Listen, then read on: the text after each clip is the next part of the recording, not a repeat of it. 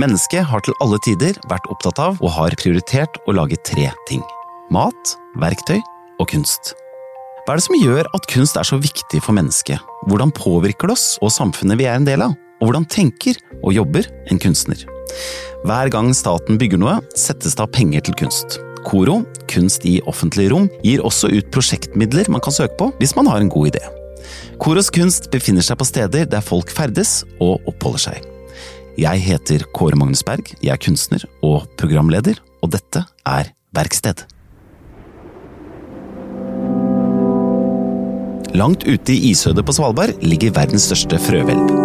Isbjørner er de innfødte her, og gjennom mørketid og midnattssol står området nesten uberørt.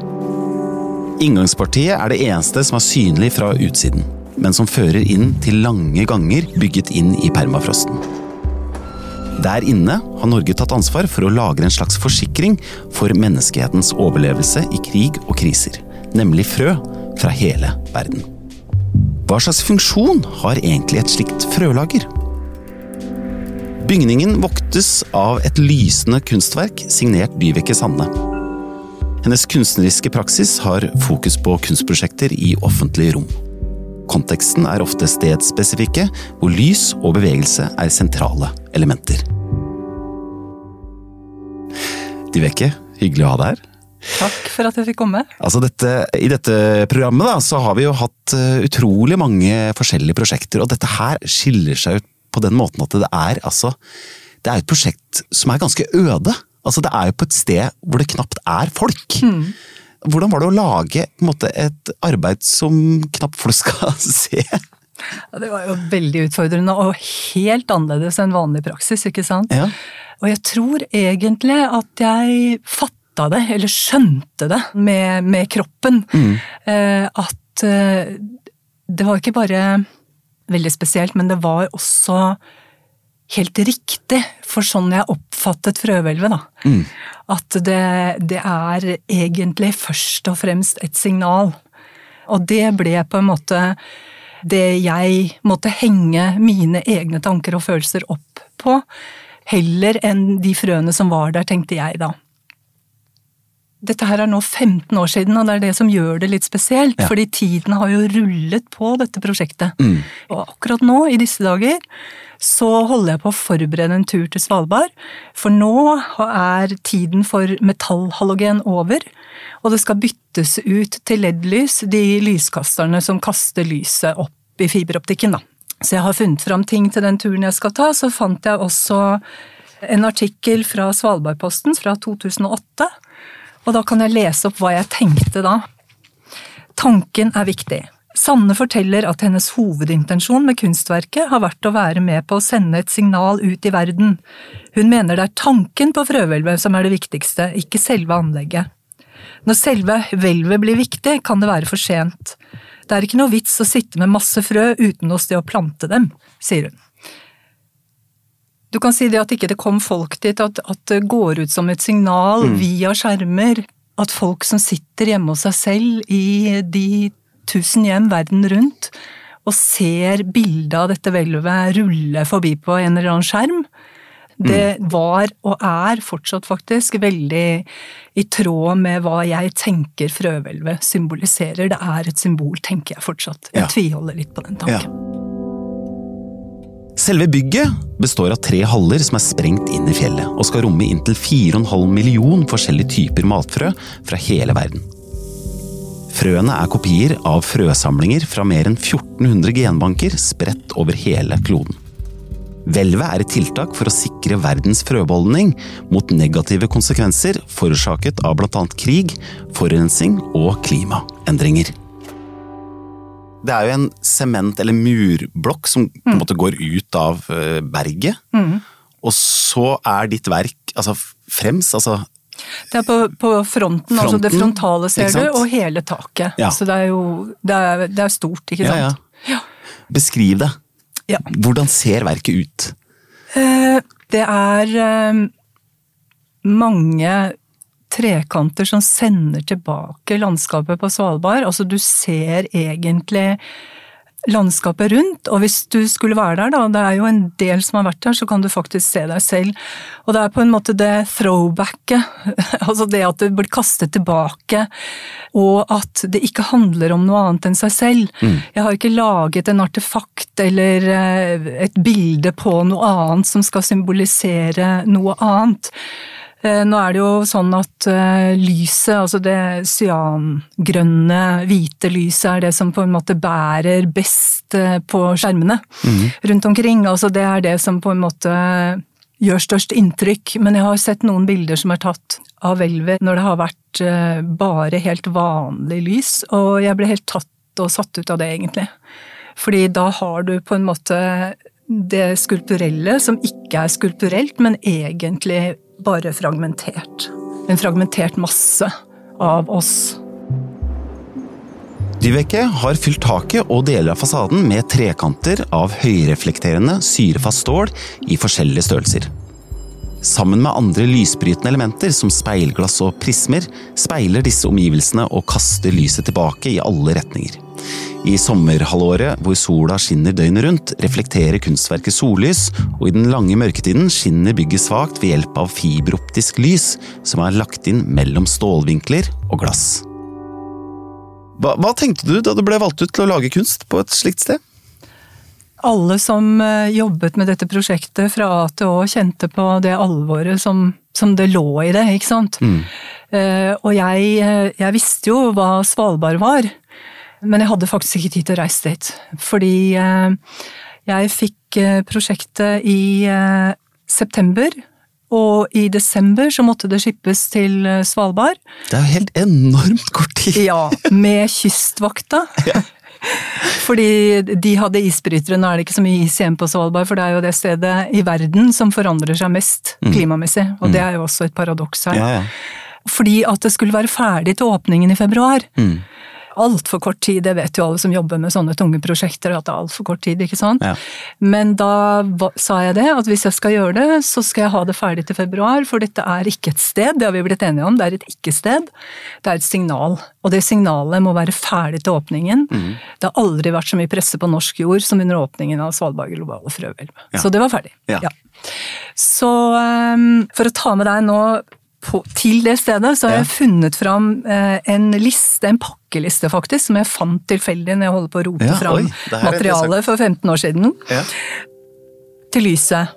Kabelavbiter, spesiallim til fargefilter, fusingapparat, drill med polerskive, batterilader, slipemaskin med slipepapir, slipepasta, kabelstrips, metallringer til apparatet, seks stykker for 30 kabler, foto av beskrivelse, og det minte meg på at her skulle jeg gjøre en god del ting som jeg aldri hadde gjort før. Fusing, pæreinnsett, fargefilterliming, programmering av hjul, beskrivelse tid, beskrivelse boring av hullfront, beskrivelse åpning av kasser, beskrivelse heise opp, ta av krokene, NB, tegning av hull, fiber, annen relevant info. Diverse. Metermål, Stanley-kniver, Tape forskjellig, glassbiter, prismer, metallvaier til festing av disse. Avtaler. Bore hull betong, slipe betong, feste frontbetong, elektriker, feste lysgivere, dra ledning mellom dem, sette på skumringssensor, skjøteledning, varmeovn. Skinnlue pluss annen lue. Gode støvler, tøfler. Tøfler, altså. Balaklava, boblebukse, god jakke, NB hender, og det er jeg nødt til å forklare litt. Ja. Jeg lærte da og fuse på Ypsilonbrua i Drammen to dager før jeg skulle reise til Svalbard. Og jeg lånte da alt utstyret til Per, som lærte meg dette her fra fiberoptisk, og dagen før jeg skulle møte ham, så fortalte jeg ham at jeg hadde kommet fra Stavanger og vært så heldig å sette tommelen min i en bildør når den ble smelt igjen. Og det var rett ved flyplassen, og jeg husker godt at jeg sank litt sammen i midtrabatten, og det jeg sa var pinsettgrepet mitt. For jeg visste at jeg skulle til Svalbard to dager etterpå. Så sier Per, som er så praktisk ja. Vet du hva, jeg har en alpinhanske som tåler 40 minusgrader. Den skal jeg ta med meg når du får med deg fusingapparatet. Så den tok han med seg til Ypsilonbrua, og den tok jeg med meg til Svalbard. Ja. Ja, for du kan ikke stå der og fikle og dille i Det er jo et klima og Ja, det var helt Jeg aldri Jeg er nest så å si oppvokst på fjellet og var vant til kulde. Ja. Men eh, jeg trodde jeg visste hva det var, men det visste jeg ikke. Det Nei. var så kaldt at Ja. det er ingenting som kan sammenlignes med det. Så hele den lista kunne jeg ha spart meg, for eh, her var det jo bare spesielle varmedresser som gjaldt. Og, Ja, ja, ja. ja. Det holder ikke med islender, liksom. Nei, nei. ikke balaklava heller, så Dyveke bor og har atelier i et naturvernområde på Østlandet. Hun har eplehage og utmark på alle kanter. Hun har en lang kunstnerkarriere bak seg og har undervist på Kunsthøgskolen i Oslo siden slutten av 90-tallet. Kunstnerskapet hennes har ofte et element av kontrastene mellom lys og mørke i seg, og verket på Frølageret er intet unntak. Hvordan er det å jobbe med et sånt lysverk opp mot uh, f.eks. midnattssol, da, som eh, man finner i dette området? Ehm, Da tror jeg jeg skal koble tilbake kanskje til noe av det jeg sa innledningsvis, at Mm. eh, egentlig er det ikke et lysverk. Nei. Altså, jeg setter stor pris på å ha fått eh, norsk lyspris. Ja, ja. Men eh, for det, for jeg ser jo at eh, signalene som sagt er sterkest når, når det på en måte er det lyset som formidles da. Men, men for meg så er eh, selve verket tilbakekastelsen av hele landskapet og av bygget liksom rundt og seg selv og alt som på en måte Sånn at eh, det var ikke noe jeg tenkte veldig over. Nei. Det er veldig mange jeg ser som eh, sier at eh, Og der kunstneren, han sier de som regel da, for de skjønner at det er et stort arbeid, ikke sant.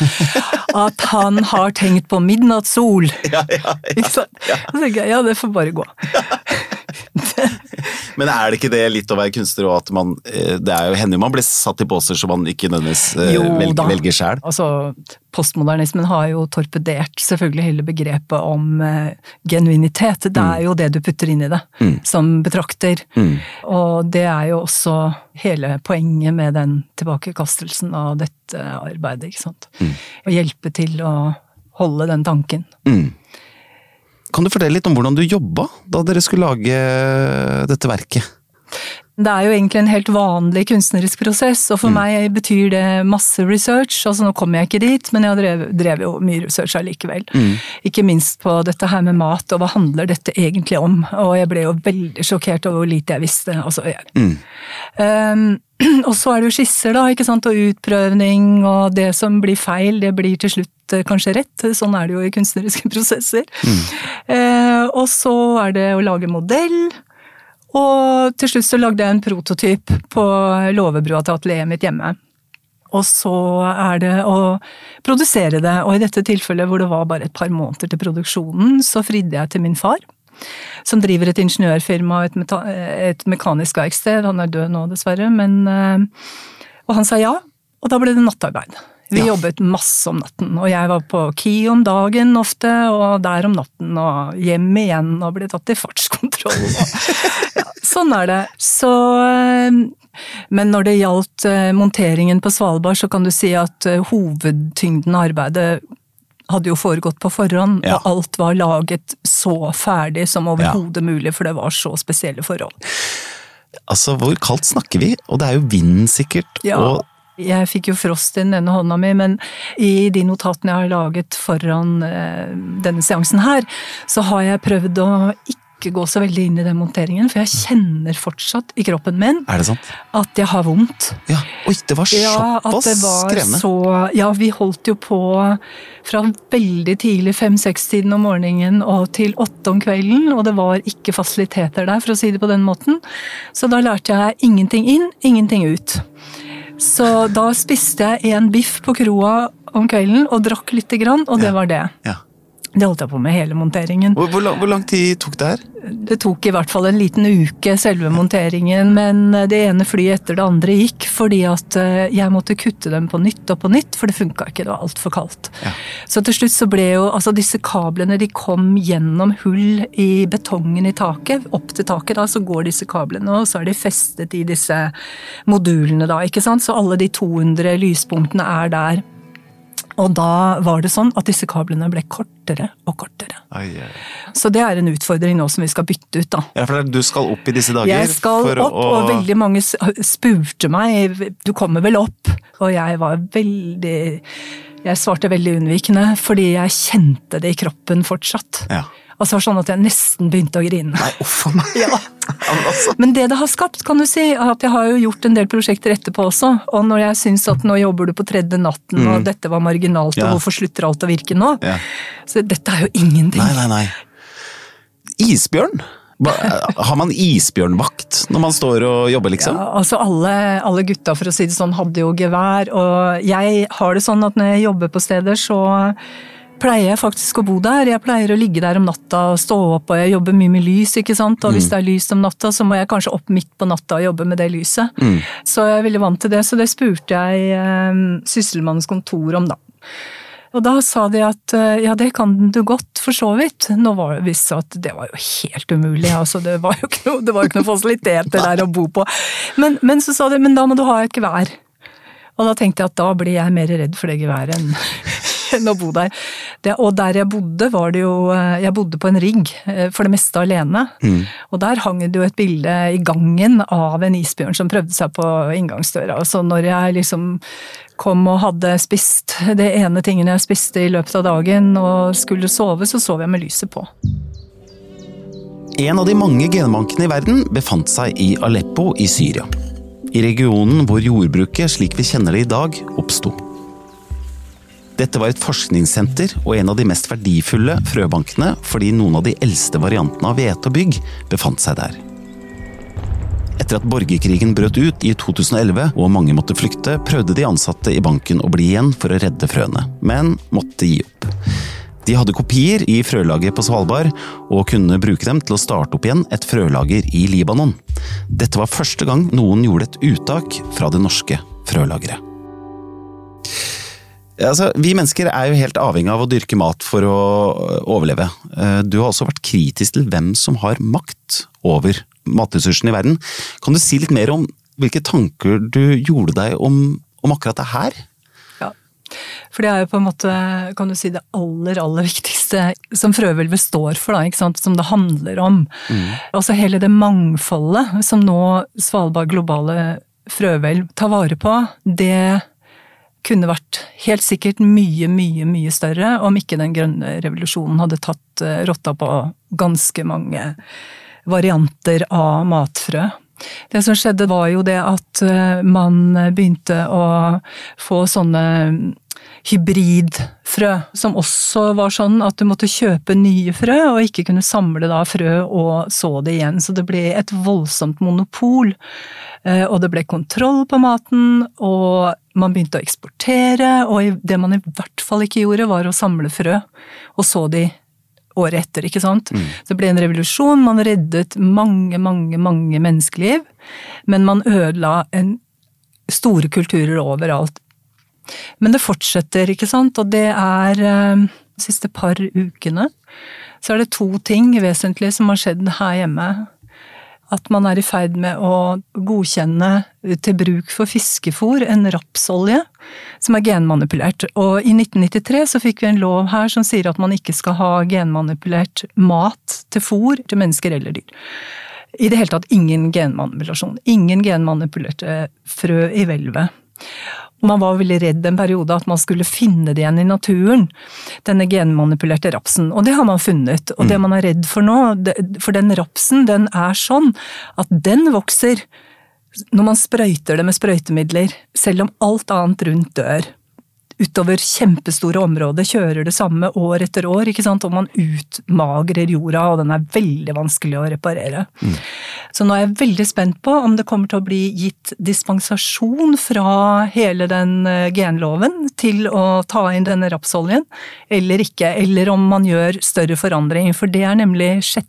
juni så kom det en NOU-rapport om at man skal tillate genmanipulert mat til mennesker i Norge av krigen i eh, Ukraina, ikke sant. Mm. Og, og, selvfølgelig hele klimaendringene, da.